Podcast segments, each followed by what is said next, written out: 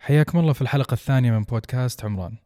في هذه الحلقة نستضيف الدكتور صالح الهذلول ناقد وباحث في العمارة والتخطيط العمراني ومختص في دراسة المدينة الإسلامية. الدكتور حاصل على بكالوريوس في العمارة من جامعة الملك سعود وماجستير في العمارة والتخطيط من هارفارد وأيضا دكتوراه في العمارة والدراسات البيئية من ام نشر الدكتور في مسيرته الأكاديمية عدة مؤلفات وأوراق, وأوراق علمية آه، في مجال العمارة والعمران والمدينة الإسلامية. بالإضافة إلى مسيرة الدكتور العلمية الحافلة عمل وكيلا لوزارة الشؤون البلدية والقروية لتخطيط المدن من 1984 وحتى 2004 بالإضافة إلى ذلك عمل عضوا في كل من الهيئة العليا لتطوير مدينة الرياض والهيئة العليا لتطوير منطقة مكة المكرمة آنذاك قبل تغيير مسمياتها إلى مسمياتها الجديدة. بالإضافة إلى ذلك هو عضو في اللجنة الاستشارية لهيئة تطوير المدينة المنورة. اعتمدت في هذا اللقاء على كتاب الدكتور المدينة العربية الإسلامية أثر التشريع في تكوين البيئة العمرانية كأساس للنقاش والأسئلة. شخصيا استمتعت بالحلقة واستفدت الكثير منها.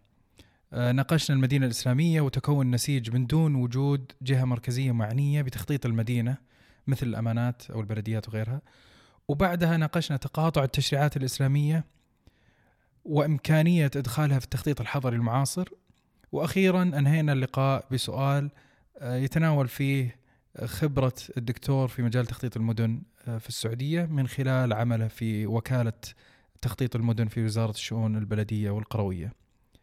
والآن بسم الله نبدأ.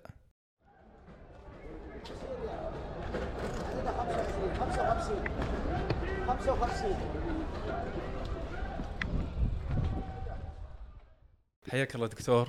شاكر ومقدر لك تخصيص جزء من وقتك لهاللقاء والله ينفع فينا وياكم البلاد والعباد يا رب. اللهم شكرا شكرا لك الله يسلمك. شكرا لإتاحة الفرصة لي لمشاركتكم. يا هلا والله. شاكر لك يا دكتور. دكتور آه، ودنا بهاللقاء أن نجزأ إلى ثلاث أجزاء. الجزء الأول آه، المدينة الإسلامية وأثر التشريعات في تشكيل النسيج العمراني. الجزء الثاني تقاطع بين التشريعات الإسلامية والتخطيط الحضري المعاصر في السعودية. وأخيرا آه، من واقع خبرتكم الثرية في القطاع البلدي. بالنسبة للجزء الأول دكتور ودي أبدأ باقتباس من آه، كتابكم المدينة العربية الإسلامية. تقول في مقدمة الفصل الثاني آه، تتحدث عن أصل وتطور البيئة العمرانية الإسلامية التقليدية وتورد استنتاج لأحد الباحثين الغربيين الذي يزعم أن المدينة الإسلامية تفتقد التنظيم بسبب افتقادها للمؤسسات المدنية مثل البلديات. وبعدها ترد على الحجة آه، ترد على حجة الباحث بالتساؤل التالي. طيب كيف نمت المدن العربية الإسلامية لتأخذ نمطا موحدا وشكلا مميزا رغم تعدد وتباين النماذج الأصلية التي بدأت منها؟ فعندما نتحدث دكتور عن غياب المؤسسات المدنية المركزية في تشكيل المدينة مقارنة بالعرف الغربي المدينة الإسلامية طبعا ما هي طبيعة التشريعات والحوكمة في المدن الإسلامية التي أنتجت نمط موحدا من النسيج العمراني عبر المدن الإسلامية المختلفة؟ بسم الله. هو يمكن المج... الجدلية هذه معظم يعني أو عدد كبير من الباحثين الغربيين طبعا م... آه، بداية البحث في العمران في الإسلام أو في في في ليس العمران في لكن في المدن طبعا الغربيين كانوا مهتمين بالمدن في الدراسات الحديثة قبلنا وقبل غالبا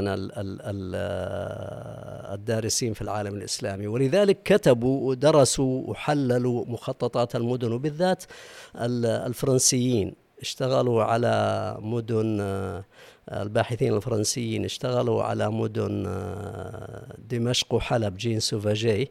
ومجموعة أخرى اشتغلوا على مدن المغرب العربي تونس والقيروان والجزائر وفاس ومكناس آه، في المغرب وحللوها وكذا. فكان عندهم الانطباع أنه النمط العمراني اللي ظهرت فيه المدن العربية الإسلامية أو وصلت إليه أنه كانت في السابق طبعا. جين سوفاجي كان صاحب النظرة هذه ومعه بعض المنطق لكن ليس الحق.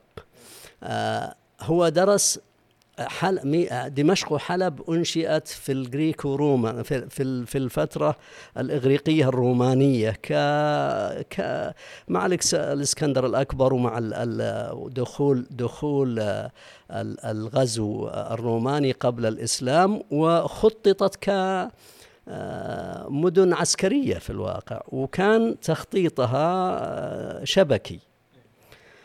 وورثوها المسلمين. بعد ما دخلوا آه، بعد ما دخلت المناطق هذه انضوت تحت لواء الإسلام أصبحت مدن إسلامية.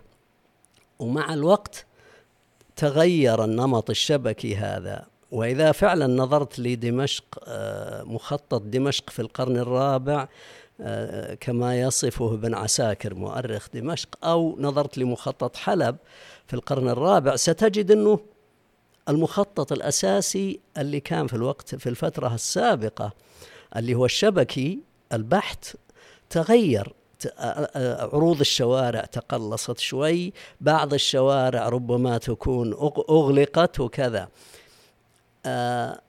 جين سوفاجي بحكم خلفيته في في تنظيم المدينة في الغرب ومؤسساتها وغياب معرفته في التشريع في الإسلام والآخرين تبعوه يعني مجموعة أخرى نفس الشيء افترض أنه هذا حصل نظرا لغياب المؤسسات آه التي تدير المدينة في الإسلام و وانتشار الفوضى أو كذا. هذا كان تحليله. إذا تنظر من جانبه بدون وعي وش وش أسس التشريع في الإسلام وبدون دراسة لها تجد انه يعني إلى حد ما هذا هو التفسير الأقرب للواقع. لكن آه، لما ندرس وبالتالي أنا أثرت السؤال إنه حنا في القرن الرابع أو الخامس الهجري طلع عندنا عندنا مجموعة من المدن مدن زي هذه ورثها المسلمون من من حضارات أخرى. وفيه مدن آه، أسسوها المسلمين من آه، من الصفر زي البص الكوفة والبصرة والكوفة والفسطاط والقيروان والى إلى ثم فيما بعد مد وطبعا هذه اتبعت نمط اللي هي سموها الأمصار. ثم جاءت بعدها المدن التي خططت وضع لها زي مخطط زي بغداد وسامرة وكذا واضح إنها وضع لها وضع لها آه، تخطيط واضح. فالسؤال يبقى طيب آه، كيف آه، هالنماذج المختلفة في القرن الرابع أو الخامس الهجري وصلت لنفس النمط؟ لابد أن أن هناك شيء underlying structure شيء شيء خفي يعمل ضمن هالبيئة وهالمجتمع وهالعمران لكي يوصلنا لنتيجة واحدة. وشو هذا؟ ومن هنا أنا انطلقت في دراستي أنه الشيء ال ال ال الأساسي في, في هالمجتمعات هذه كلها في المغرب العربي أو في العراق أو في الشام أو في وسط الجزيرة العربية وفي اليمن هو الدين. المبادئ الدينية الموجودة. هالمبادئ كيف تترجم؟ تترجم بتشريع. فرحت أدرس علاقة العمران بالتشريع. كيف نشأت التشريعات؟ وش آراء الفقهاء؟ ومناظراتهم ومحاوراتهم حول قضايا العمران. من هنا وصلت إلى دراسة دراسة التشريع ودراسة التشريع والعلاقة المتبادلة بينه وبين العمران. واستنتجت أنه لا بالعكس كان فيه مؤسسات لكنها ليست كالمؤسسات التي في المدينة الغربية. هي مؤسسات نابعة من من المبادئ والأسس التي تحكم حياة ونظام هذا المجتمع الإسلامي الذي يختلف تماما عن المجتمعات في المدن سواء في الغرب أوروبا وأمريكا وكذا أو في الشرق مثل الهند والصين وحضارات مختلفة. كل كل حضارة لها مبادئها ولها أسسها وتنبع تنبع من من ما تعتقد فيه من معتقداتها في الغالب. فمن هنا أتى موضوع دراستي للتشريع ودرست في الفقه الإسلامي وكيف وش آراء الفقهاء في العمران وكيف وش المؤسسات الحاكمة في المدينة الإسلامية. وكان هناك شيء واضح اللي هو موضوع أنه القاضي في كل مدينة هو السلطة العليا غالبا فيها ثم المحتسب وأيضا آه، هناك آه، لجان آه، في حالات الخلاف وكذا تحكم. والمحتسب غالبا هو الذي يقوم بدور المراقبة سواء للأسواق أو للمباني أو الكذا ثم ضمن النظام كل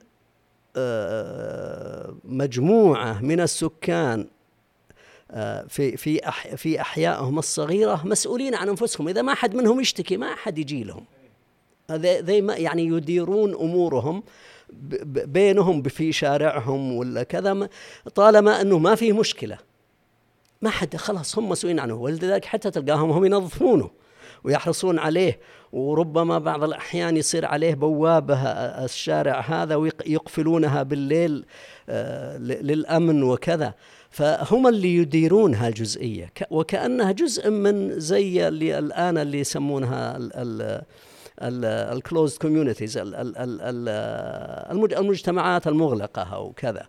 ف ولها إدارتها هم هم يتعاونون طبعا ليست بنفس الحجم. الآن المجتمعات المغلقة يعني كبيرة جدا وكذا لكن هناك كانت لها تلقاها في حدود العشرين بيت وكذا. وفي الغالب تلقى أيضا بينهم صلات إما قبلية يعني آه، أبناء عم من قبيلة واحدة أو صلات رحم أو كذا فتلقاهم متقاربين ولذلك يحلون حتى إذا صار في إشكال يحلون إشكالاتهم بينهم ما يحتاجون يروحون للمحتسب أو للقاضي. لكن إذا طلع شيء يستوجب يروحون للمحتسب. وإذا إذا الأمر واضح يحكم المحتسب يحله. إذا الأمر ما هو واضح يرفع للقاضي والقاضي ينظر في هذا وفقا للتشريع القائم. دكتور يمكن تعقيب على هالسؤال. من من شكل آه، الإدارة اللي, اللي ظهر لي انه هذا يقلل من الجهود في إدارة المدينة بحيث أن السكان هم مسؤولين عن أنفسهم عوضا عن أن لابد من وجود جهة مركزية حتى يعني تدخل في دقائق الأمور. وإن شاء الله نجي على سؤال آخر يتناول هالمشكلة لا مضبوط. هذا تعليقك في محله أنه آه، أمور أمور المدينة آه، هي فيها زي تدرج هرمي. في أشياء كبيرة زي مسألة السيول زي آه، الطرق الرئيسية وكذا. هذه محمية ينظر في يتابعها يتابعها المسؤول عن إدارة المدينة وفي الغالب هذا المحتسب. في الأحياء كل حي هم مسؤولين عن أنفسهم إلا إذا عجزوا عن إدارتهم. إذا إذا وصلوا إذا صار في خلاف ما استطاعوا هم يحلونه يتدخل المحتسب وإذا ما المحتسب شاف إذا كان فيه مسألة حقوق ما هي بواضحة يصل الأمر للقاضي والقاضي في الغالب إما يحله برأيه أو يستعين في لجان آه، مثل اللي نسميها لجان المباني. ناس أصحاب خبرة في العمران معظمهم يصيرون أحدا عنده معرفة في الفقه وفي نفس الوقت مثلا لديه معرفة في البناء. مثل يمكن آه، شخص كان آه، يدعى ابن الرامي في تونس هذا توفي في آه، ثلاثينيات القرن الثامن الهجري حوالي 736 أو كذا. وكان فقيه وبنا في نفس الوقت يعني معلم. فكان ابن عبد الرفيع اللي هو قاضي تونس في وقته لما يأتي إشكالات كبيرة بين بين الجيران أو أو في مواضيع البناء أو كذا يكلف آه، ابن الرامي مع اثنين آخرين ينظرون في القضية. هذه بحكم خلفيتهم الفنية كمهندسين أو فنيين ويعودون له بوجهة نظرهم كيف يمكن حل هذا. وينظر فيها وإذا اقتنع حكم بهذا. الميز أنه ابن الرامي هذا بحكم أنه أيضا فقيه وكان طالب لابن عبد الرفيع كتب لنا كتاب اسمه الإعلان بأحكام البنيان وهذا كان ثروة قيمة لأنه آه، صنف أمور العمران في المدينة وحطها على شكل أبواب وفي كل باب حط وش القضايا الأساسية اللي مرت عليه؟ ثم جاب لنا مناقشات الفقهاء هو طبعا مالكي والمغرب العربي في العموم يتبع المذهب المالكي. فجاب لنا كل مناقشات المالكية من مالك ثم طلاب مالك ابن ابن عبد ابن عبد الح آه، مالك وابن عبد الحكم سحنون وأصبغ وكل كل تسلسل آراء الطلاب المشهورين لمالك أو أو الطلاب لمن لمن بعده.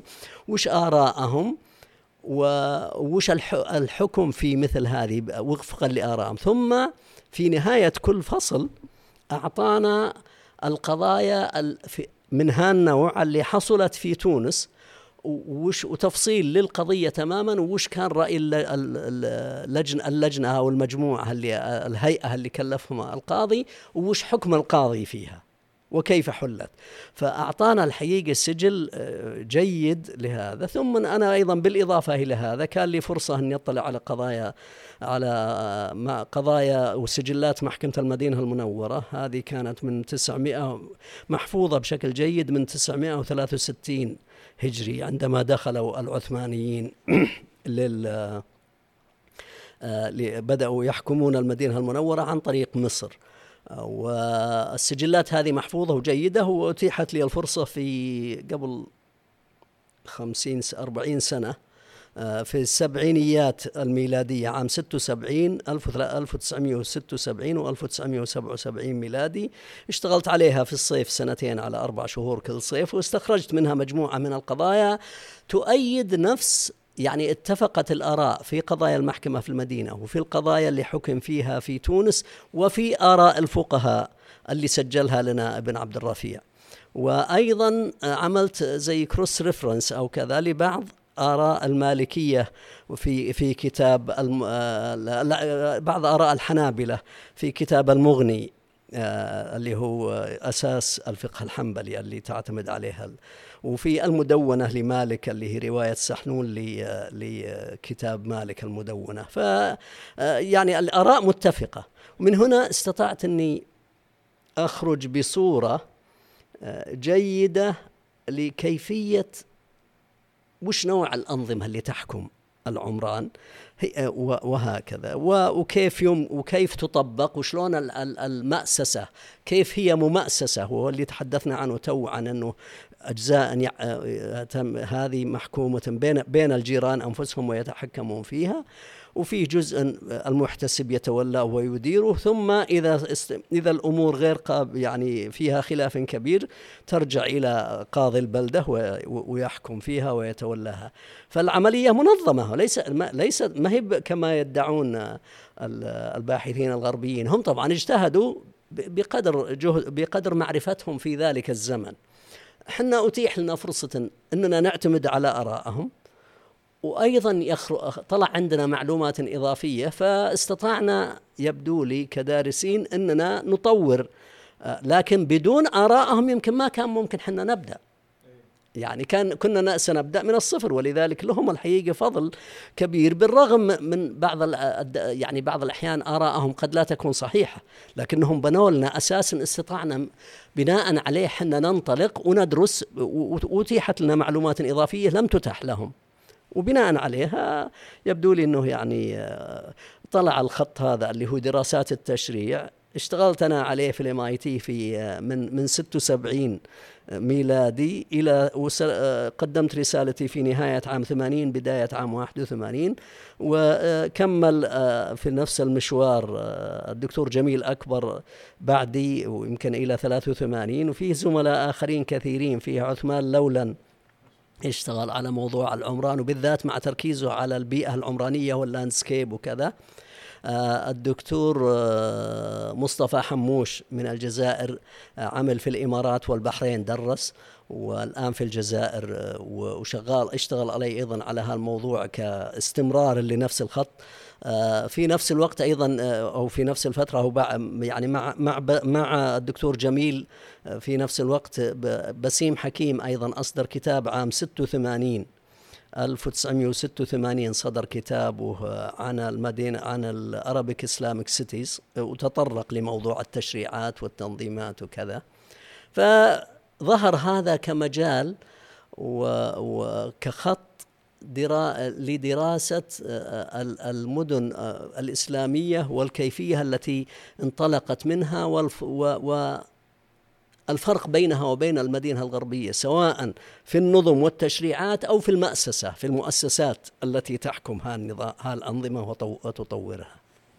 أعطيتنا نافذة وملخص مميز لتوزيع المسؤوليات وأعتقد أنه هو نقطة مهمة في فهم يعني طرق إدارة المدينة. يمكن السؤال اللي يتراود بعده هو جميل عرفنا يعني المدن كيف تدار لكن من الأصل يعني توزيع استخدامات الأراضي في المدينة آه، ارتفاعات المباني وانخفاضها ومثلا آه، قطع الأراضي أحجامها وإلى آخره. هذه شلون شلون تحكم وشلون تبدأ من الأصل؟ أي آه يمكن هذه في خلينا نأخذ يمكن الجزء الأكبر اللي هو الاستعمالات. استعمالات الأراضي. آه في أساس آه قاعدة فقهية في الفقه الإسلامي لا ضرر ولا ضرار. وهذه اعتمدت اعتمد عليها الموضوع أو اعتمد عليها بشكل كبير اعتمدوا عليها المشرعين والفقهاء والقضاة في موضوع آه، آه، استعمالات الأراضي. وعندهم القاعدة أيضا إنه آه، ال first come first served اللي الاستعمال الذي يبدأ الأو اللي يأتي في الأول له الحق إنه يستمر. فمثلا إذا إذا جينا إحنا اثنين أو ثلاثة أو اذا وبنينا بيوت هنا. يبي يجي أحد جنبنا على طول ويحط مصنع جلود أو شيء شيء يلحق الضرر بنا آه إن سكتنا وقبلنا ما أحد يقول لك شيء. لكن إن اعترضنا القاضي اوتوماتيكيا يعطينا الحق لأننا جينا قبل حنا اكتسبنا. فهو يقول أنت اكتسبت الحق. هذا الحق اللي اكتسبته لا يمكن أن يؤخذ منك إلا برضاك. وبالتالي آه، غالبا الصناعة تلقاها بحكم إنها إما دخان أو رائحة كريهة أو كذا أو ضوضاء دائما تبعد عن السكن. من البداية يخلونها بعيدة. آه، يبقى أشياء آه، قد تبدأ ويقبلون فيها الجيران. كمثال آه، الخبازين الأفران التنور يصير موجود. والجيران قابلينه بحكم إنه خدمة لهم في الواقع. يعني لما تفكر فيها إنه أصلا هو يساعد يعني نوع من الخدمة اليومية اللي هم يحتاجونها. آه، وبنيت البيوت والفران هذا أو الخباز والتنور حقه موجود. لو قرر إنه يكبره واعترض حد الجيران ما له حق يكبر هذا. فليش؟ لأنه آه، آه، على نفس المبدأ يقول القاضي يقول إنه هو هو أو الفقهاء يقول إنه اكتسب الحق هذا ولا حد اعترض عليه في حينه ومشى وخدم الناس لمدة عشر سنوات أو كذا. الآن بيتوسع معناه بيزيد نسبة الدخان اللي اللي تطلع من هال من هالفرن أو من هالتنور وبالتالي تصير مضرة. والجيران اعترضوا فلهم حق أن يعترضوا. ولذلك تبي تبقى كما أنت الله يحييك. بس تتوسع لا. وهذا طبعا ال implications هنا التبعات إنه في الغالب علشان يتوسع كود يطلع. كود ينتقل من هالمكان لمكان صناعي. ف لاحظوا شلون الخيط هذا حاك من الأمور. ولذلك تلقى الصناعات دائما آه، تطلع برا المدينة على الأطراف. وكل ما كبرت المدينة الصناعات دفوها أبعد. الجلود آه، اي أي أشياء أن تخرج ضوضاء أو آه، دخان أو رائحة أو كذا يعني شيء يأثر في الهواء أو في الضوضاء أو كذا أو أو أمراض أو أي شيء يعني يؤثر على الصحة على الإنسان دائما تلقاه ما له ما يعطى حق يعني دائما الحق للسكن أكثر. الأولوية للسكن وللساكن للإنس... للإنس... يعني الأولوية هي للإنسان في الأساس. فهذا من جانب ال ال استعمالات الأراضي وطريقة توزيعها. وحتى في الغالب لما تجي للأسواق لخدمة الناس تلقى نفس مبدأ اللي يبدأ اولا يستمر. إذا إذا بدأ محل قماش تجد دائما طبعا بطبيعة البشر آه، وعملية المنافسة. إذا لو أنا مثلا فاتح محل آه، بالبلده هذه ما فيه إلا محلي واحد بالسوق فتحت محل قماش وفي واحد ثاني بيفتح في الغالب ما راح يفتح في في الطرف الأخير من السوق. يبي علشان يبي يصير غالبا حول. آه، أقرب ما يكون للمحل الموجود علشان الزباين لما يجون يصير عندهم فرصة للخيار. الفقهاء أيضا كانوا أو أو القضاة عندما يصير في خلاف في هذول دائما يحكمون إنه يحاولون إنهم يتدخلون في موضوع المهن أو المعروف أو أو أو الأشياء التي تباع أنواع الأسواق. كل نوع يصير مع بعض. ويبررون هذا أنه للتسهيل على المتسوقين وإتاحة الفرصة لهم للخيارات. بالضبط. ففيه أسس موجودة أصلا.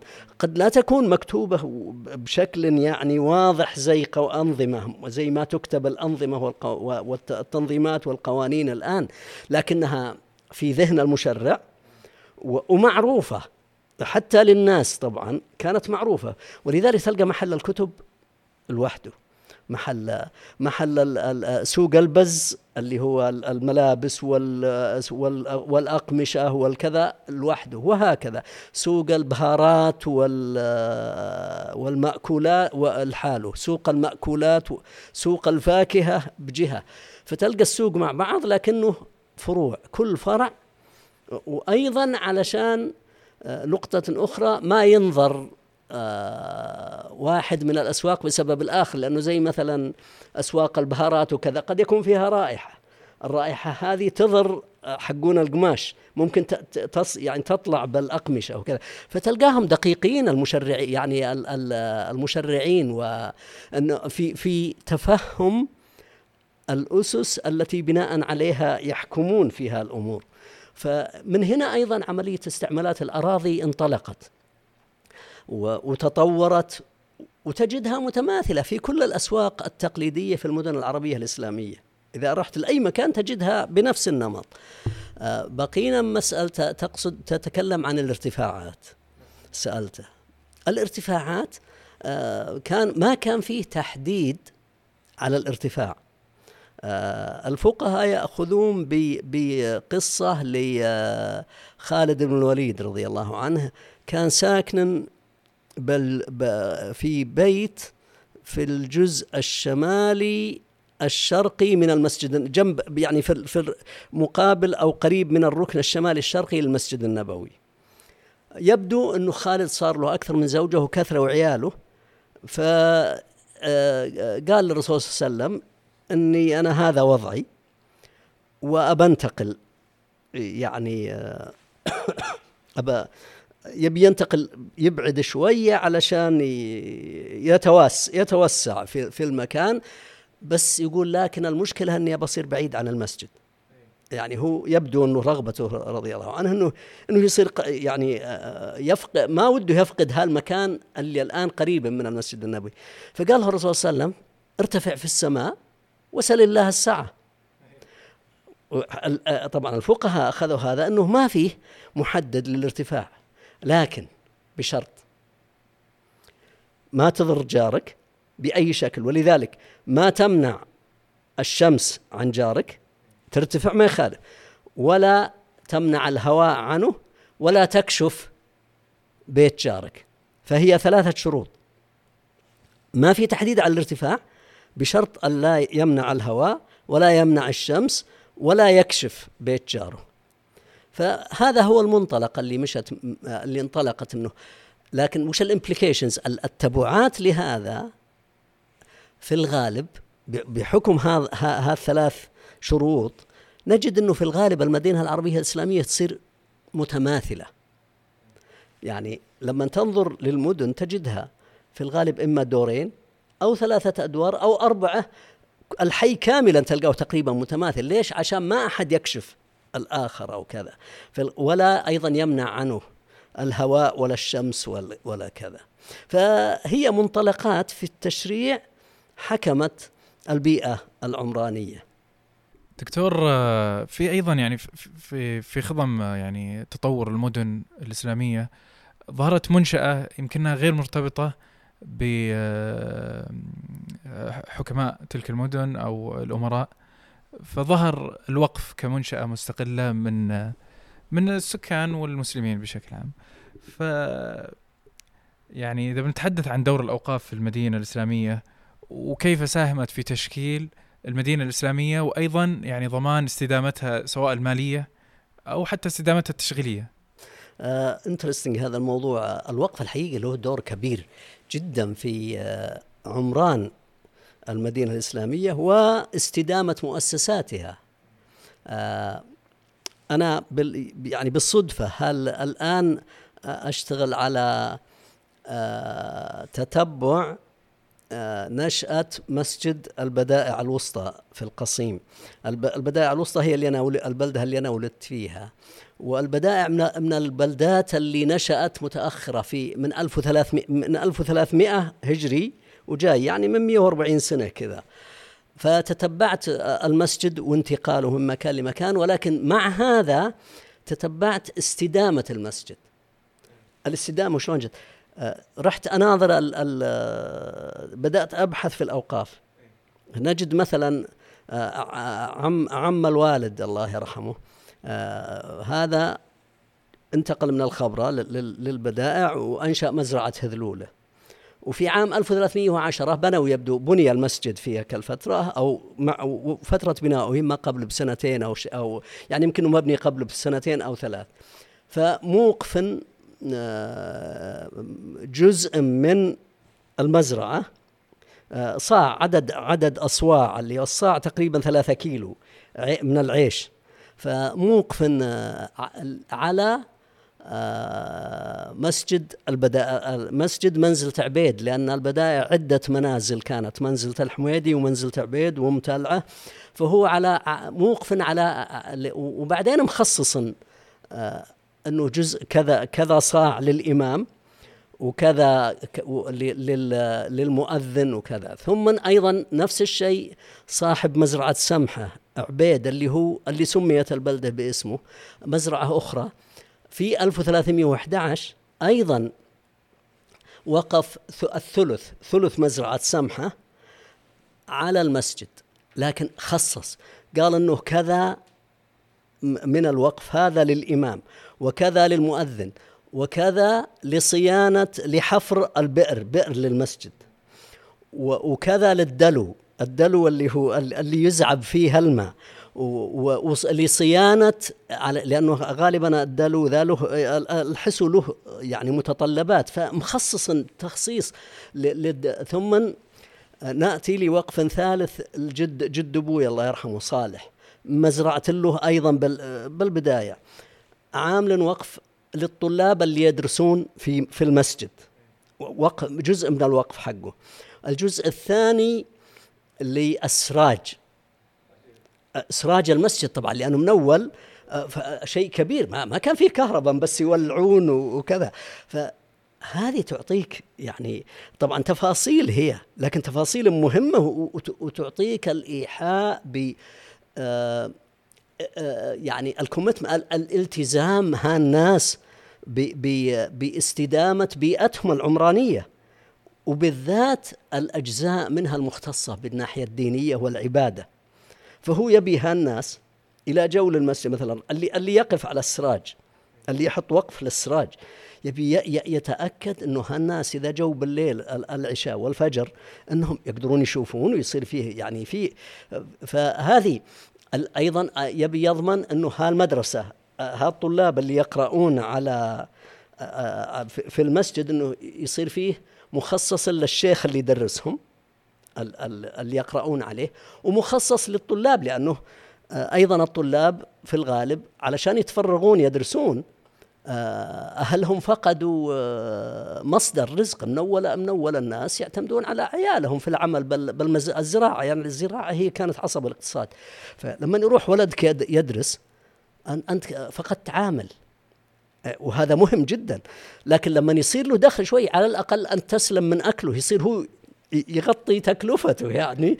وأنا أروح أدور عمال آخرين يجون يشتغلون. إنما المسألة آه، آه، لكن في المدن الكبيرة ما هي طبعا البداية كانت بلدة صغيرة في ذلك الوقت. أنا أتكلم عن 1310 إلى 1330 و40 لكن لما نجي للمدن الرئيسية الكبرى تجد كل تقريبا مركز المدينة تجده مدارس وأربطة و بمرستانات اللي هي المستشفيات وكذا. هذه كلها آه، في الواقع تعيش على الأوقاف والمساجد نفسها بنفس الطريقة اللي أنا وصفت مسجد البداية كل مسجد من المساجد في المدن الإسلامية كان عليها أوقاف إلى ما لا نهاية وقف للإمام وقف للمؤذن وقف لل... لأنه ما كان هناك الدولة ليست ما كانت تصرف رواتب للأئمة والمؤذنين ولا لصيانة وتشغيل المساجد. فهذه هذه وأيضا ولا على التعليم للمدارس ولا على المستشفيات في السابق. الدول كانت يا الله يعني تدير الأمن والكذا للناس. والباقي عن طريق في الغالب معظم الأنشطة آه، واستدامة هالمدن هي معتمدة على الله ثم على الأوقاف اللي تصرف على ولذلك كل العملية يعني الأساسية كانت على على الأوقاف.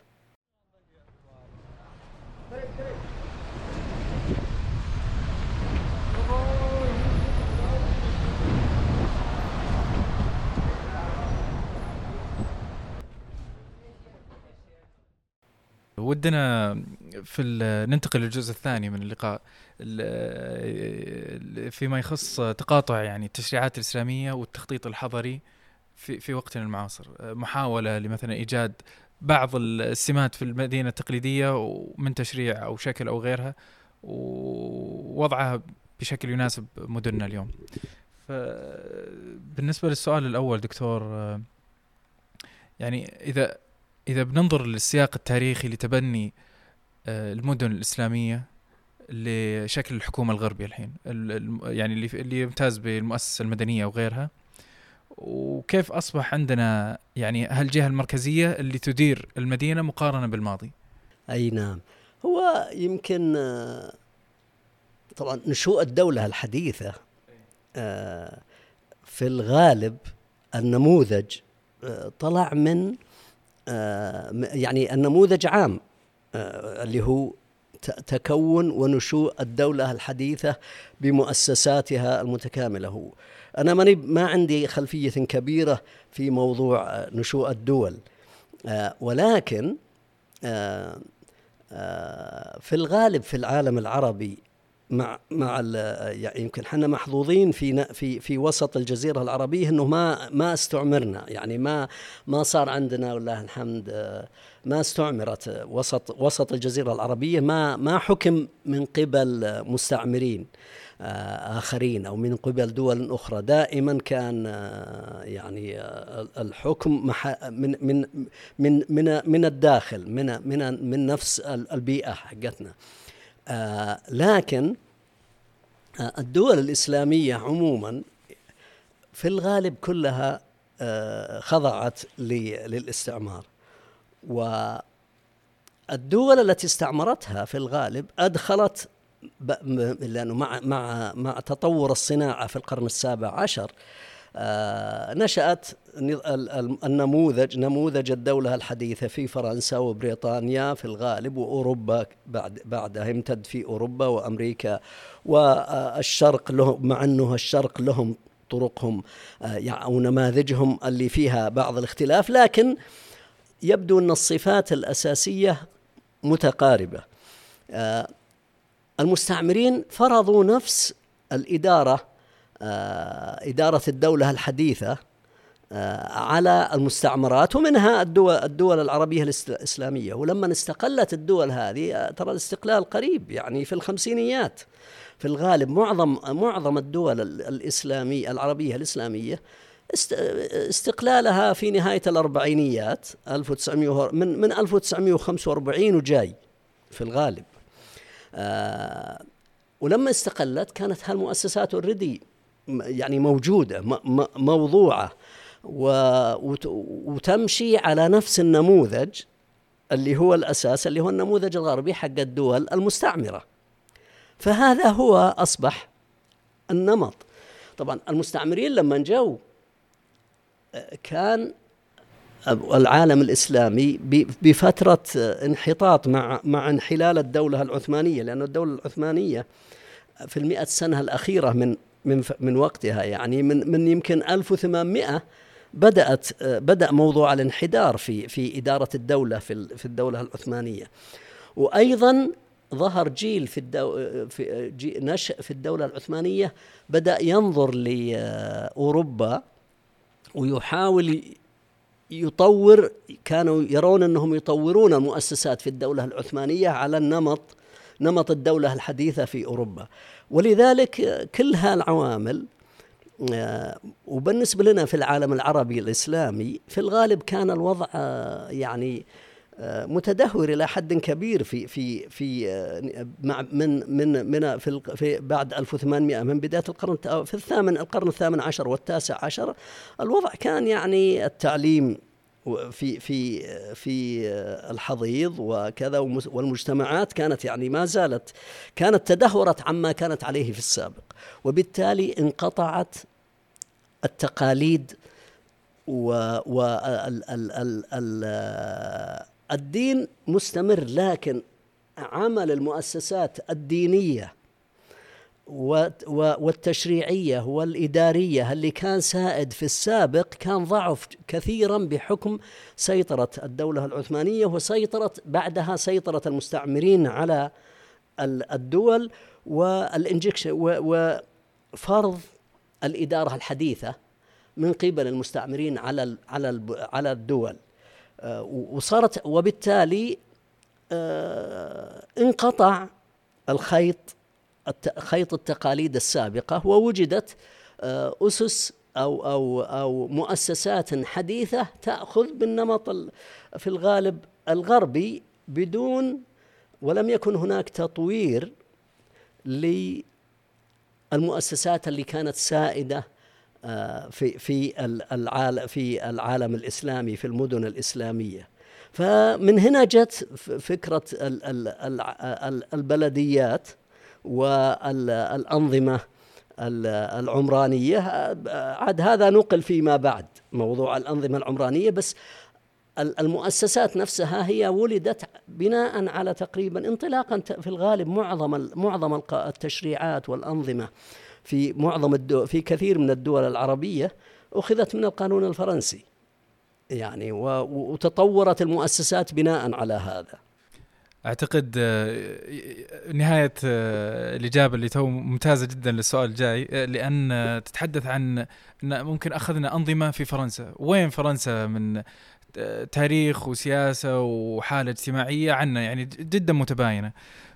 فمثلا أحد الاقتباسات من كتاب ستيفانو بيانكا اللي هو الشكل العمراني في العالم العربي يتحدث عن إن المدن العربية تبنت نمط إدارة آه، للمدن بشكل يعني غربي أجنبي.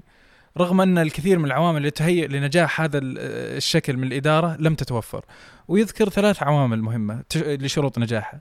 أول شيء انه يكون فيه يعني قدرة فنية وكادر عمل آه، يجيد هذه الحرف وما كان هذا متوفر عندنا. آه، الشيء الثاني آه، الحرية المالية لكثير من القطاعات. بينما إحنا يوم تكلمنا تو الأوقاف هي اللي تحكم المدن. مو مو بشرط إنها حرية مالية موجودة لمؤسسة مدنية. والسبب الثالث اللي يتكلم عنه اللي هو البيئة السياسية. يبدو لي المختلف يعني من هذه الثلاث عوامل. وقد تكون في عوامل أخرى غير مواتية لتطبيقها في السعودية في السعودية والعالم العربي بشكل عام. فهل هل محاولة تبني هذا النمط في شكل لا يناسبه هو السبب في بعض إشكالات إدارة المدن اللي نشوفها اليوم في السعودية وغيرها في العالم العربي؟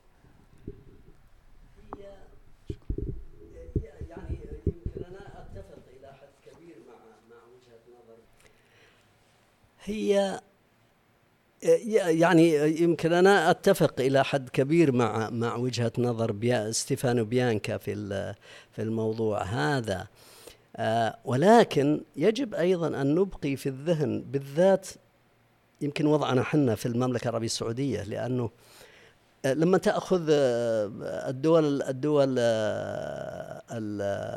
العربية الأخرى زي المغرب العربي عموما ومصر والشام والعراق في الغالب النظم العمرانية الحديثة انتقلت لهم بوقت خلال وقت طويل ومن زمان يعني من بحكم إنه مستو... مع الاستعمار بدأ تطبيق الأنظمة اللي أصلا كانت تطبق في مع, مع الم... سواء الإنجليز أو الفرنسيين حسب الدولة المستعمرة. وغالبا فرضت هالأنظمة عندهم. آه يمكن حنا إذا إذا نظرت لوضعنا في السعودية آه كان آه، لما بدأت عملية مع توحيد المملكة عام 32 آه، بعدها مباشرة الملك عبد العزيز طلع فيها كالمرحلة طلع من وسط آه، من قصر الحكم وبدأوا يبنون قصر المربع. والظاهر إنه انتقل الملك عبد العزيز الله يرحمه للقصر يمكن عام 1935 أو 36 في هالحدود. لاحظ في تلك المرحلة نفس مواد البناء. يعني طلعوا من لما بني المربع بنفس مواد البناء اللي كنا نبني فيهم في السابق الطين والخشب في التسقيف وكذا. ولكن والنمط العمراني نفسه والطابع العمراني نفسه. الحجم فقط هو اللي تغير أكبر. الشوارع داخل المربع أعرض شوي من الشوارع لما تناظرهم في داخل الرياض القديمة. آه، الفراغات طبعا بحكم الاحتياج الفراغات أكبر وكذا ولكن طوروا في الواقع نفس النمط بشكل رائع. فلما تأخذ المربع كمثال استطعنا في الحقيقة أننا آه، نطور تقاليد البناء والعمران اللي كانت سائدة عندنا بشكل استخدمنا نفس المواد والتقاليد ولكن آه، طورناها بشيء يستجيب لاحتياجاتنا في ذلك الوقت. الإشكال جاء لما دخلت الخرسانة المسلحة آه، الإسمنت والبلوك والخرسانة في اللي هو في, في نهاية الأربعينيات بداية الخمسينيات. هنا جاءت الإشكالية يبدو لي عندنا وبدأت آه، بدأ ال ال الانفصال في تقاليد البناء عندنا. ليش؟ لأنه البنايين عندنا ما كانوا يعرفون شلون يستخدمون الإسمنت. كانوا يبنون بالطين. و وأيضا مع هذا جاء عندنا مشاريع كبيرة مرة واحدة. يعني في بداية الخمسيني في في الخمسينيات مثلا الملك سعود الله يرحمه لما قرر إنه الحكومة تنتقل من من الحجاز إلى الرياض بدأ مشروع بناء ضخم جدا جدا في مقاييس ذلك الزمن. يعني بنوا آه، آه، شارع طريق الملك عبد العزيز اللي هو شارع المطار اللي كان اسمه شارع المطار القديم. كل الوزارات بنيت الملز كله بني. الناصرية اللي هي مقر آه، قصر مقر الملك. فذولي إذا تقارنهن مشاريع ضخمة جدا أكبر من الرياضة اللي كانت موجودة في ذلك الوقت. فكان من المستحيل يعني تسخير القدرات المحلية لبناء هذول وأيضا في نفس الف... في نفس الوقت كانت ال... ال... موضوع الخرسانة كان موضوع يعني جذاب. فكلف مقاولين ما كان في المقاولين المحليين ما يقدرون ما يعرفون أصلا ما عندهم الخبرة ولا ولا القدرة على. فجاء مقاولين من الخارج عثمان أحمد عثمان ومجموع يعني مجموعة مقاولين. المقاولين ذولا لما جو اضطروا ينقلون المواد وال والتقنيات والمهارات لأنه آه، آه، آه، البنائين عندنا ما يعرفون شلون يشكلون الحديد علشان للصبات ولا يعرفون حتى ولا شلون يخلطون الإسمنت. ف اللي حصل موديل كامل نموذج كامل نقل نموذج تقني كامل نقل من برا لنا. وبدأوا يبنون. طبعا لما جو أيضا يبنون المخططات ما كان عندنا إحنا مهندسين علشان يصممون هال من أول البنائين حقيننا ما هم بيرسمون يخطون على الأرض. يعني هو في ذهنه فكرة غالبا تصميمية لكنه ما هو بيرسم نادر منهم أحد يرسم على ورق وبالتالي يصير فيه مقاييس ومن ثم المقاول يقدر يقرأ هالمقاييس يبني كان هو المقاول كان هو المعلم والمصمم والمعلم والبنا. هو واحد شخص. فكان يروح يخط برجله وكذا ويحدد ومع المساعدين ويبنون. الآن لا. الآن العملية تحتاج مخططات. المخططات ذي تحتاج حسابات سواء في للكونستراكشن الأعمدة الخرسانات الكهرباء الصرف يعني صار فيه تقنيات ومع وتحتاج معارف والمعارف ذي كلها ما هي موجودة فكل النموذج استورد من برا. الآن المعماريين ذولا ما يدرون حنا وش, وش احتياجاتنا ما يعرفون مجتمعنا المعماريين اللي جو. فوش يسوون؟ يعني تصور نفسك أو أنا أو أنت نجي يطلب منا أننا نروح للصين ونصمم لهم شيء. آه عليك نور. هم طبقوا وما يعرفون. وبذلوا غالبا في الغالب بذلوا أفضل ما يعني أعطونا غالبا أفضل ما عندهم. لكن النقطة إنه لا هل أفضل ما عندهم هو الأنسب لنا ولا لا؟ وهنا أعطونا نموذج جديد. ولذلك حتى الرياض الملز كانت تسمى الرياض الجديدة. أهل أهل الرياض في ذلك الوقت في, في أذكر أنا في نهاية الخمسينيات يمكن جيت أول مرة عام 60 1960 للرياض. زيارة. يقولون يسمونها الرياضة الجديدة اللي هي الملس فهذه طبعا مبهرة وصار نموذج ذا. والنموذج ذا من اللي بناه؟ بنته الدولة. كسكن للموظفين اللي انتقلوا من اللي هو الملز سكن للموظفين اللي انتقلوا من الحجاز. فأصبح هذا كأنه كأن الدولة تقول ترى هذا هو الشيء اللي النموذج المثالي للعيش والسكن. فالناس العاديين صاروا ودهم إنه يصير لهم مثلها الفلال حق الملس يعني كل واحد في ذلك الوقت يستطيع أنه يبني كان وده. لو يقدر يبني زي هذول يبي يبني. فمن هنا انطلق هالنموذج. ومشى بشكل مع انطلاق النموذج بدأت الرياض تكبر. لما بدأت الرياض تكبر أصبح هناك حاجة للتنظيم. استمرت حي الشميسي وحلة القصمان ومنفوحة استمر سكانهن يمتدون معهن ويبنون بالطريقة التقليدية.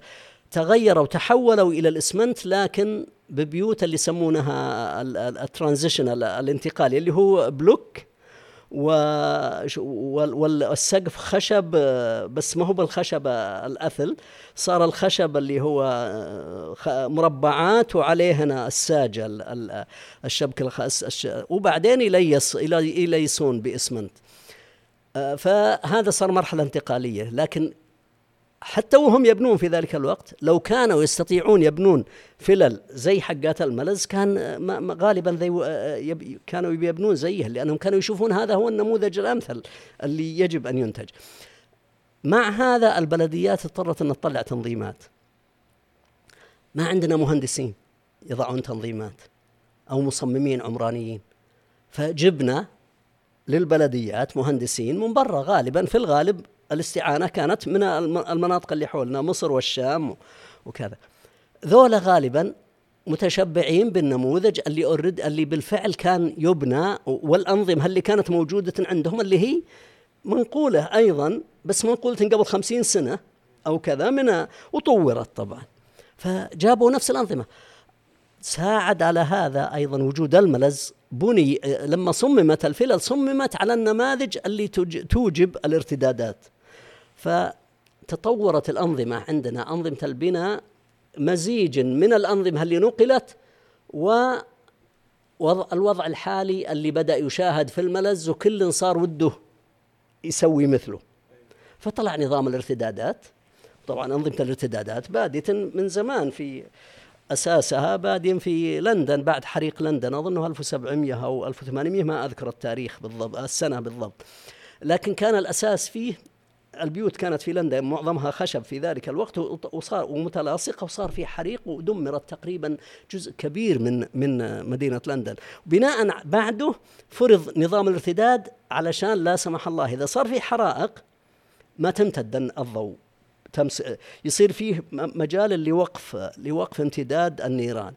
آه فهذا كان الأساس فيه. وبعدين عاد لما بدأ الارتفاع بدأ البناء بالارتفاعات الشاهقة بالنسبة للمدن الغربية أصبح أيضا في حاجة للارتدادات لأنه لما بدأت فكرة ناطحات السحاب ال skyscrapers وكذا ما كان ممكن أن يبنون متلاصقين بارتفاعات مهولة لأنه اللي تحت بيصير ظلام الشوارع نفسها ستكون مظلمة. آه، فتطور نظام الارتدادات اللي حصل أنه إحنا نقلناه. آه، وطبعا وبدأ يطبق. ومشت الأمور على هذا. ثم لما جاء في في الستينيات نهاية الستينيات اتضح أو خلال الخمسينيات والست نهاية نهاية الخمسينيات أو الست بداية الستينيات جاء مخططين جاء بدأت الدولة تستعين ب ال UNDP اللي هي مكتب التعاون الفني للأمم المتحدة علشان يساعدنا في عملية التخطيط. آه، كان فيه آه، عزام الظاهر أحد آه، الدكتور عبد الرحمن عزام في البداية ثم بعده عبد الرحمن الدكتور عبد الرحمن مخلوف اللي هو رئيس للكذا بعدهم الظاهر جاء الدكتور الله يعطيني اسمه مع إبراهيم عبد عبد الكذا آه وبعده آه تمأسس ذا وانضم جاءت وكالة تخيط المدن وصار جزءا جزء آه، يعني دعم دعم فني لوكالة تخطيط المدن من من وسط السبعينيات. الشاهد إنهم الاستشاريين ذولا المكتب الإقليمي للمتحدة للدعم الفني آه، عملوا ردمنت مخططات سريعة للظاهر جدة وأعتقد ربما الرياض. وقبلهم مكتب المسا...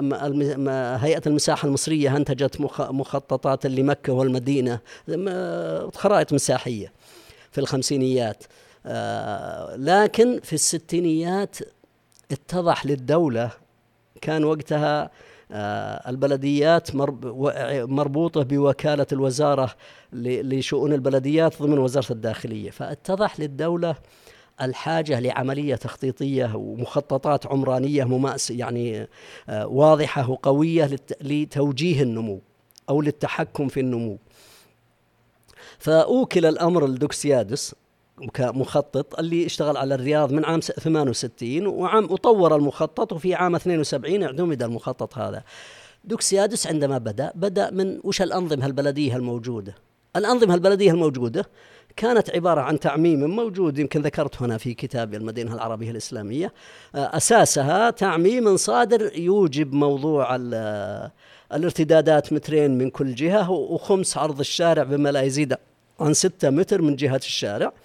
وهذه الأساس وأيضا يضع تصنيف للارتفاع للارتفاعات دورين أو كذا في معظم الأحوال. منها هو طور نظم البناء ضمن المخطط مخطط الشبكي اللي هو طور لمدينة الرياض.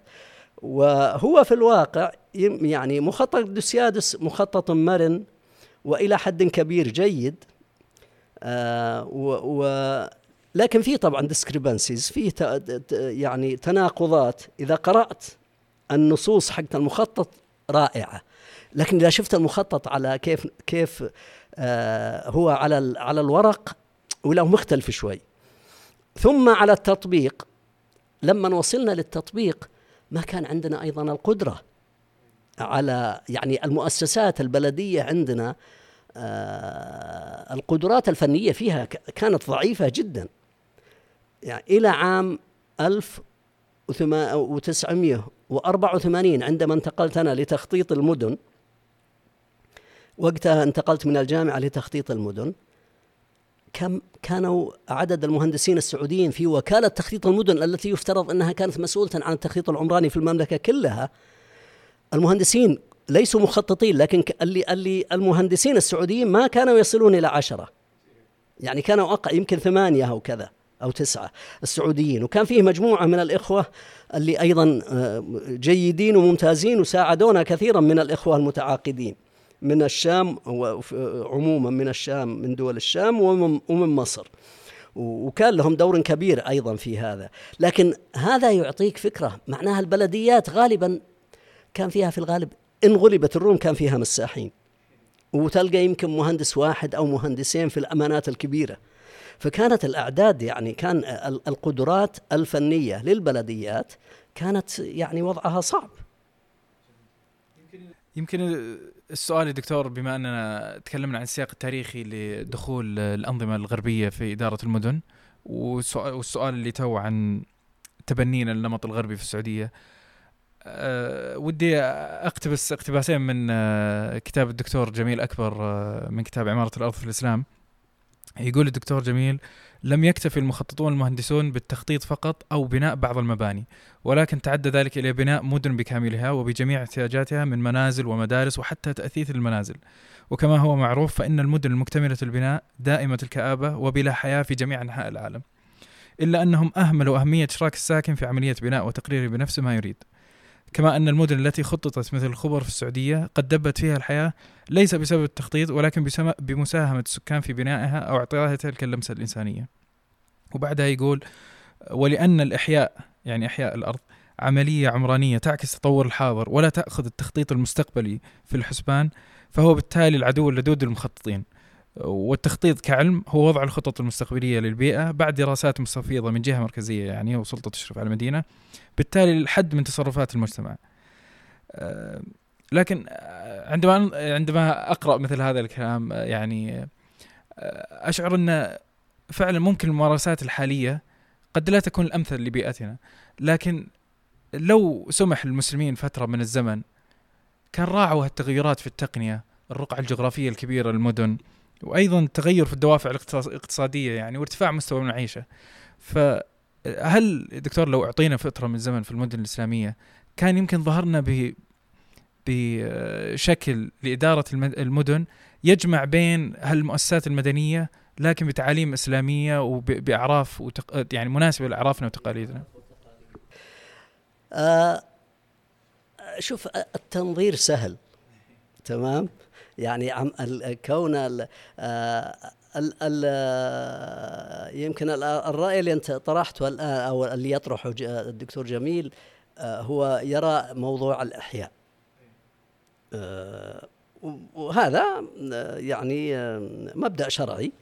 ولكن دائما فيه الإحياء الملكية في الإسلام تنطلق من منطلقين. آه، إما إقطاع من الحاكم أو إحياء. تمام؟ آه الإحياء كان سائد في السابق لأنه الأمور ما كانت الأرض ينظر لها ككوموديتي كسلعة. كان الواحد يأخذ فقط يحيي ما يحتاج. وبالتالي لو تنظر للقرآن أنا كنت عملت دراسة مرة أخرى أعود لمسقط رأسي البداية. عملت عنها دراسة عام 1982 آه، أول ما رجعت من أمريكا ودرست بحكم أنها أيضا مدينة جديدة في اللي هي بداية القرن الرابع عشر الهجري من 1300 وجاي. كانت ماشية على مبدأ الإحياء. لكن في ذلك الوقت وكان اللي يبي اللي يبي يبني يروح الواحد اسمه النظير غالبا النظير ذا موكل له هو موكل له مسألة شبه مثل ما تقول المحتسب. موكل له مسألة إدارة البلدة ذي فتقول له أنا والله يا أبو علي أبا ودي بعمر لي بيت وين؟ ودي وناظر والله ودي بهك المنطقة يعني بهك الجهة ذي طيب. يروح ويخط تخط أنت وياه حدد لك وتبني. بس. لكن آه لما تناظر في تلك المرحلة وبالتالي هذا إحياء. ولكن أيضا كانوا يبدو أهل البلدة كان في إدارة للبلدة كان أهل البلدة متفقين أن هالشخص يتولى هالإدارة. وماشية هالأمور. هو يناظر يتأكد أن الشوارع تبتل مستمرة. وذا ويقطع الآخرين. غالبا هذا أيضا كان السلطة له جاية من موافقة الحاكم الإداري في المنطقة اللي هو بالقصيم. غالبا أمير القصيم في ذلك الوقت موافق على أنه هالشخص هو اللي مسؤول عن هالديرة فهذا نظام إداري ماشي. المشكلة الآن يعني لما لكن لما نوصل لما جينا في آه، الكلام ذا مثلا إلى 1360 أو 70 هجري.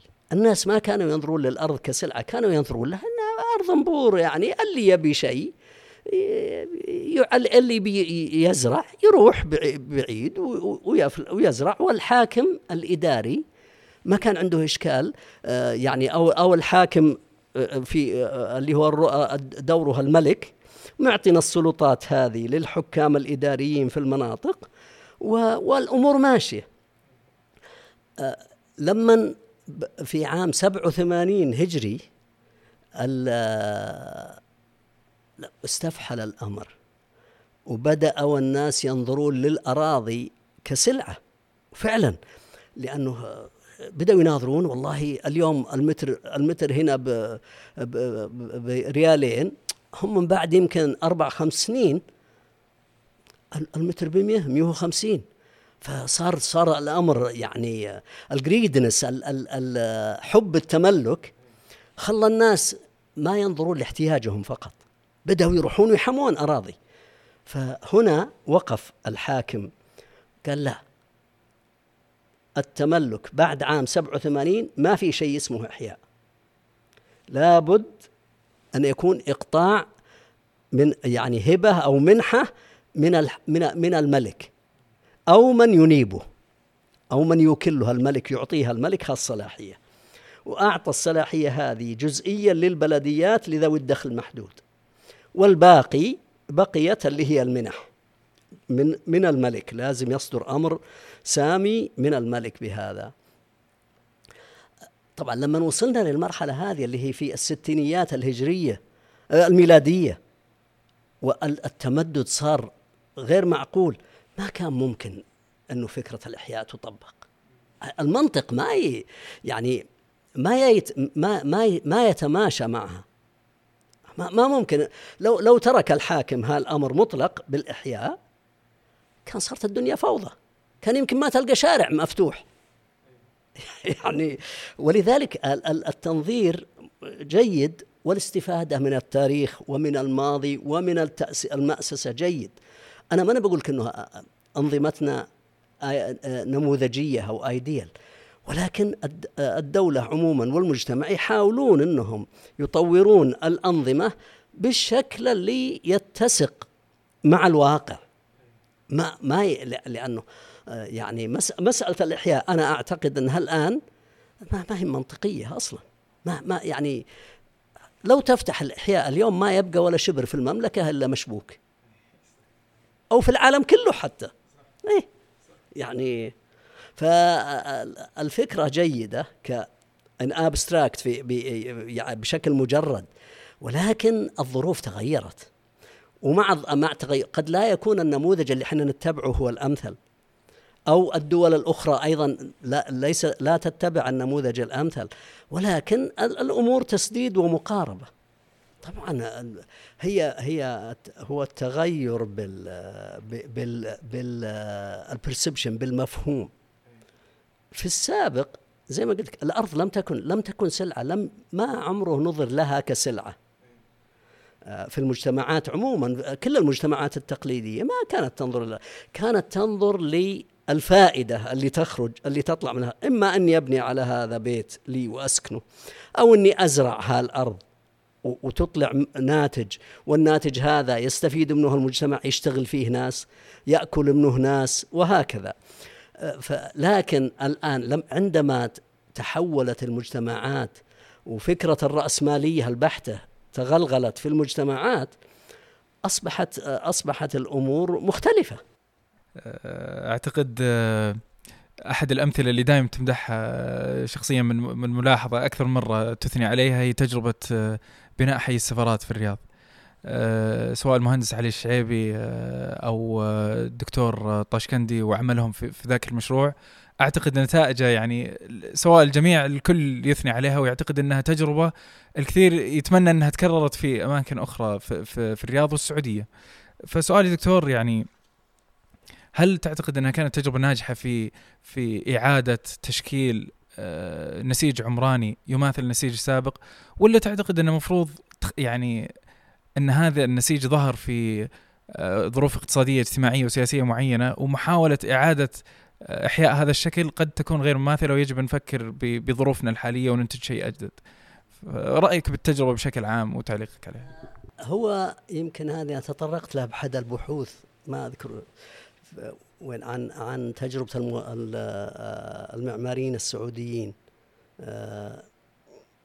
هو في في نهاية السبعينات بداية بداية الثمانينيات بدأ عندنا طلع عندنا مجموعة من المعماريين السعوديين اللي يبدو درسوا نشأوا هنا وتخرجوا من من العمارة في داخل المملكة من كلية الهندسة من قسم العمارة بكلية الهندسة ثم أتيحت لهم الفرصة أنهم يروحون لجامعات مرموقة مثل المهندس علي الشعيبي والمهندس فرحات طاشكندي اللي خلصوا ماجستير من ال MIT من معهد ماساتشوستس للتقنية MIT ورجعوا وبدأوا يمارسون.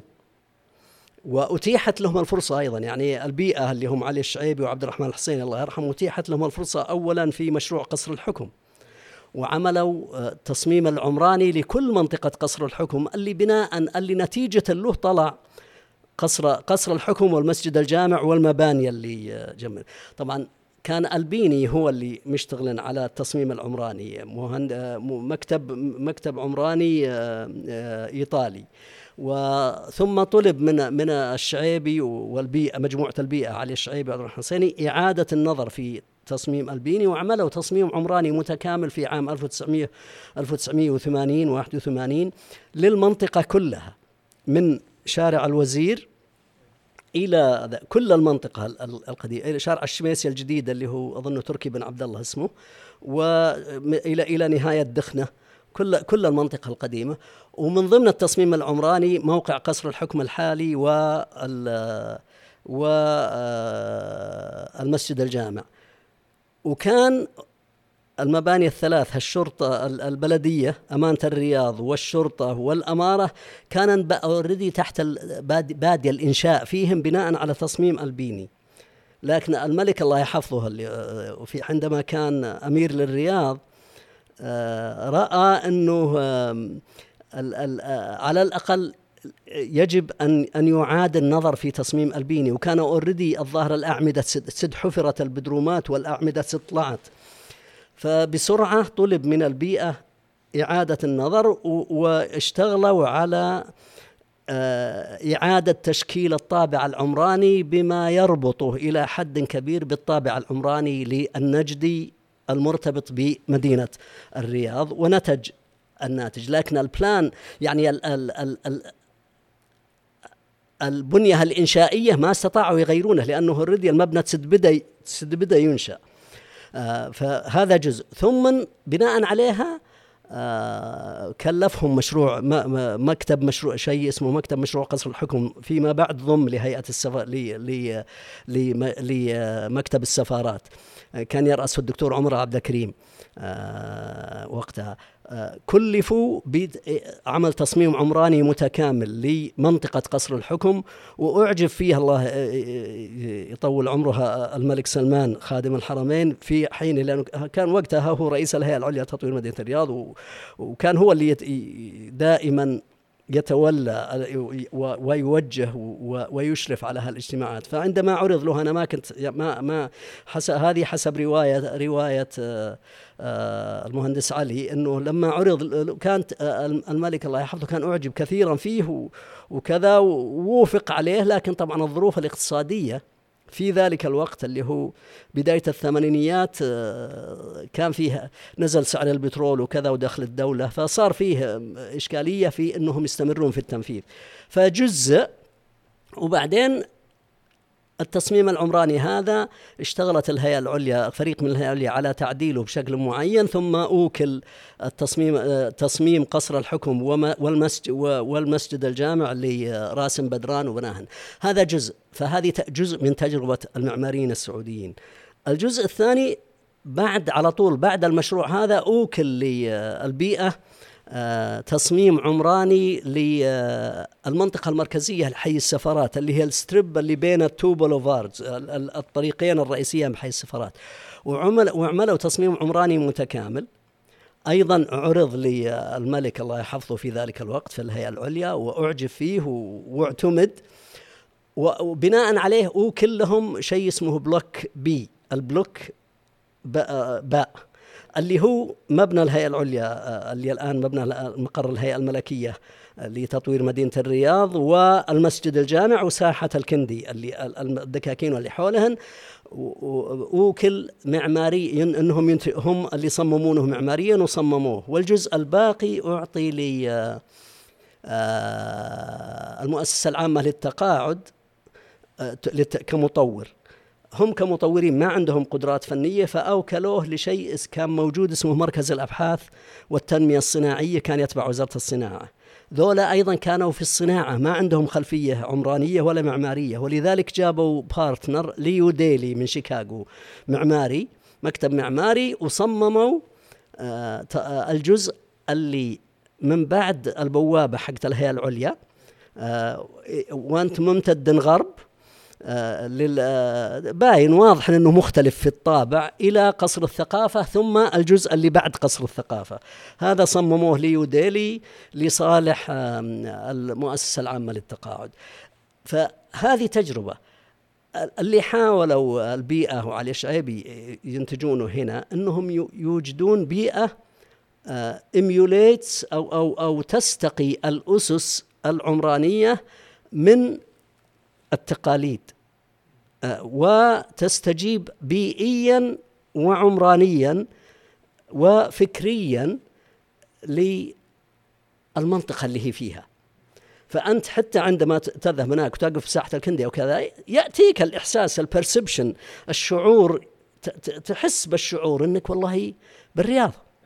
أنه هذا إنك يعني يعطيك هالإحساس على طول أو حتى إذا جيت على الدوار اللي عند مبنى الهيئة العليا وشفت المبنى هذه على طول بالنسبة لك الرياضة والدرعية. ما يعني ما تخطئها العين هذا هو اللي كان مقصود. لكن هذا لا يعني إنه هالمبنى نقل كما هو من السابق. بالعكس إذا دخلت من داخل تجد فراغات ممتازة وظيفيا مستجيبة للاحتياجات بشكل جيد تخدم الغرض بشكل رائع وبالتالي هذا هو المنتج. وهذه هي أسس في الواقع الميثاق اللي الآن آه، هيئة آه، فنون العمارة والتصميم متبنينه اللي هو ميثاق الملك آه، سلمان العمراني. لو تناظر الأسس حقت الميثاق ستجد كل واحد يعني تأخذها واحد واحد ستجدها فعلا تنعكس على مثل هالمبنى. نفس الشيء شغل آه، المهندس فرحات في آه، في الأحياء الداخلية. إعادة تصميمها على شكل كلدوساكس وأيضا وضع الأنظمة العمرانية. هو أخذ الأنظمة اللي كانت في في العمران التقليدي وطبقها. إنه ترى أنت تقدر تفتح على كيفك لكن ما هو مسموح لك إنك تفتح وتكشف البيت اللي جنبك بيت جارك وهكذا. وطبقت وطبعا لكن هذا وضع شبه نموذجي. ليش؟ لأنه كان فيه مكتب لحي السفارات يتابع بالتفاصيل التنظيم. وبالتالي إذا جت الرسومات لهم مثلا في التصاميم تصاميم القطع السكنية كانوا يراجعون هل هو فعلا يكشف هذا البيت اللي جنبه ولا لا. الإشكال طبعا في مدينة زي الرياض ممتدة في اليوم الواحد. تعتمد إدارة الرخص آه، في, في الأمانة تعتمد لها يمكن ألف, ألف مبنى آه، ألف بيت. صعب إنك تقعد تفحص كل بيت هل هو يكشف الثاني هل ما يكشف هل النافذة تفتح هل ما تفتح. لكنه الحقيقة النموذج نموذج يعني رائع. وأثبت إنه العملية ممكنة إلى حد كبير.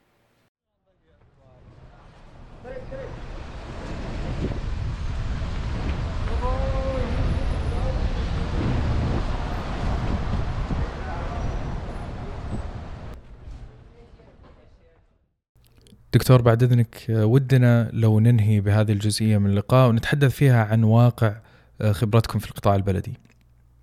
كوكيل لوزارة الشؤون البلدية والقروية لتخطيط المدن. آه، اولا آه، ودي أقتبس من كتاب أمين الرياض السابق الأمير عبد العزيز بن العياف كتاب الإدارة المحلية والقطاع البلدي حيث يعرج الأمير على أحد المقترحات لتنويع مصادر الدخل للأمانة أمانة الرياض من خلال مقترح المقابل المالي لنظام البناء المطور الذي طرح في 2008 فيتحدث الأمير في الكتاب قائلا تنوعت الجهود المبذولة من الأمانة يعني لتنويع مصادر الدخل إلا أن الاستجابة لها من صاحب القرار المركزي سواء في وزارة المالية أو في وزارة الشؤون البلدية والقروية لم يتواكب مع رغبات الأمانة وحماسه للتطوير والتغيير. الآن في الجهة المقابلة دكتور ذكرتم أنتم في لقاء بوتقة آه الذي كان بعنوان نحو تعريف العمارة المسلمين أن في غضون عملكم في وكالة وزارة الشؤون البلدية والقروية لتخطيط المدن؟ حاولتم إصلاح ما أفسدته التشريعات التي فرضت من خلال النماذج الغربية آه في معزل عن الواقع الديني والبيئي الاجتماعي مثل ضوابط الارتدادات آه نسب استخدام الأراضي وغيرها؟ لكن لم تنجحوا بسبب عدم قدرة القدرة من خلال وكالة شؤون البلد آه، من خلال وكالة تخطيط المدن على تغيير واقع الأمانات. وقلت أن لا نستطيع أن نملي على البلديات ما نريد. فإذا دكتور اللي اللي يسمع لهذا الاقتباسين قد يأتي في باله يعني تساؤل ويقول إذا ما هي الثغرة في إجراءات اتخاذ القرار اللي عندنا الآن في السعودية التي تصعب من قدرة وزارة الشؤون البلدية والقروية من التأثير على قرارات الأمانات والعكس. وكيف يمكن المختصين الحضريين مستقبلا سد هذه الفجوة وتحسين حالة إدارة التنمية الحضرية؟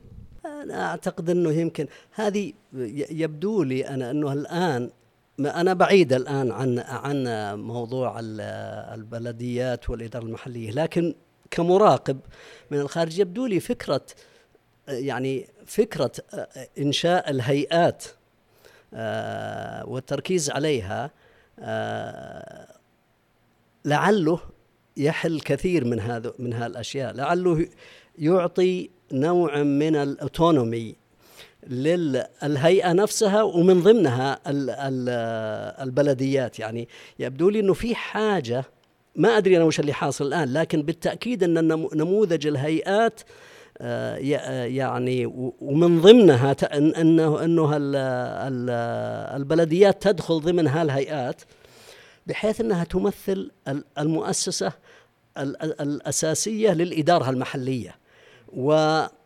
وتصير عندها ما يكفي من الاستقلالية من الأوتونومي من من بحيث إنها تدير شؤونها بشكل سواء اداريا أو ماديا تمويل وكذا لأنه التمويل آه، هندر يعني آه، عامل آه، عائق أو محفز حسب إن إن وجد وصار قابل سهل التصرف فيه وتوجيهه فهو محفز كبير لعملية التنمية.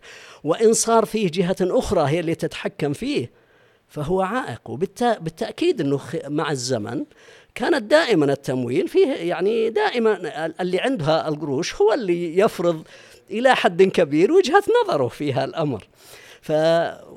فوجود أنا آمل يعني و و و وأتعشم إنه فعلا إنه إن شاء الله الهي إنشاء هالهيئات ودمج البلديات فيها آه، آه، سيعطي استقلالية كبيرة بحيث إنه وزارة البلديات تصير فقط لوضع الضوابط العامة أو أو التأك يعني أو التوجهات العامة لأمور يعني الكودز الأشياء والهيئات مستق... كل هيئة تصير مع مع البلدية والأمانة اللي معها هم هم اللي يديرون مدينتهم ويوجهون التنمية فيها وعملية التطوير وكذا بشكل كافي. ومن هنا ممكن أيضا إنهم يتعاملون مع مع النظم العمرانية كلها وهنا أيضا في فرصة الحقيقة يعني اللي حاصل الآن إنه مدننا متماثلة بينما في الواقع مفروض إنها من حيث الطابع المعماري والعمراني الواحد كان يتوقع أنه مثلا لما يصير في وسط نجد في الصحراء يشوف طابع معين. وإذا راح للساحل الشرقي يشوف طابع آخر.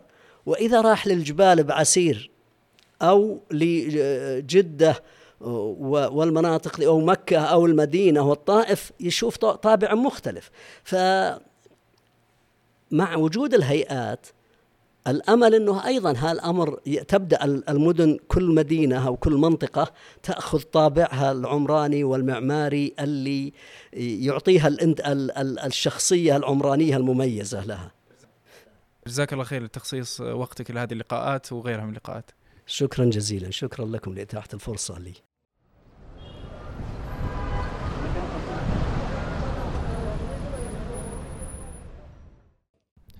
أشكر لكم الاستماع الحلقة. آه، أود التذكير أيضا مرة أخرى على آه، تعبئة نموذج آه، طلب استضافة ضيف وأيضا نموذج تطوير البودكاست. الأكيد أن المرئيات والملاحظات من قبل المستمعين والمشاهدين قيمة وستساهم, وستساهم بشكل مباشر في تطوير بودكاست عمران. شاكر لكم استماعكم مرة أخرى وإلى اللقاء في الحلقة القادمة.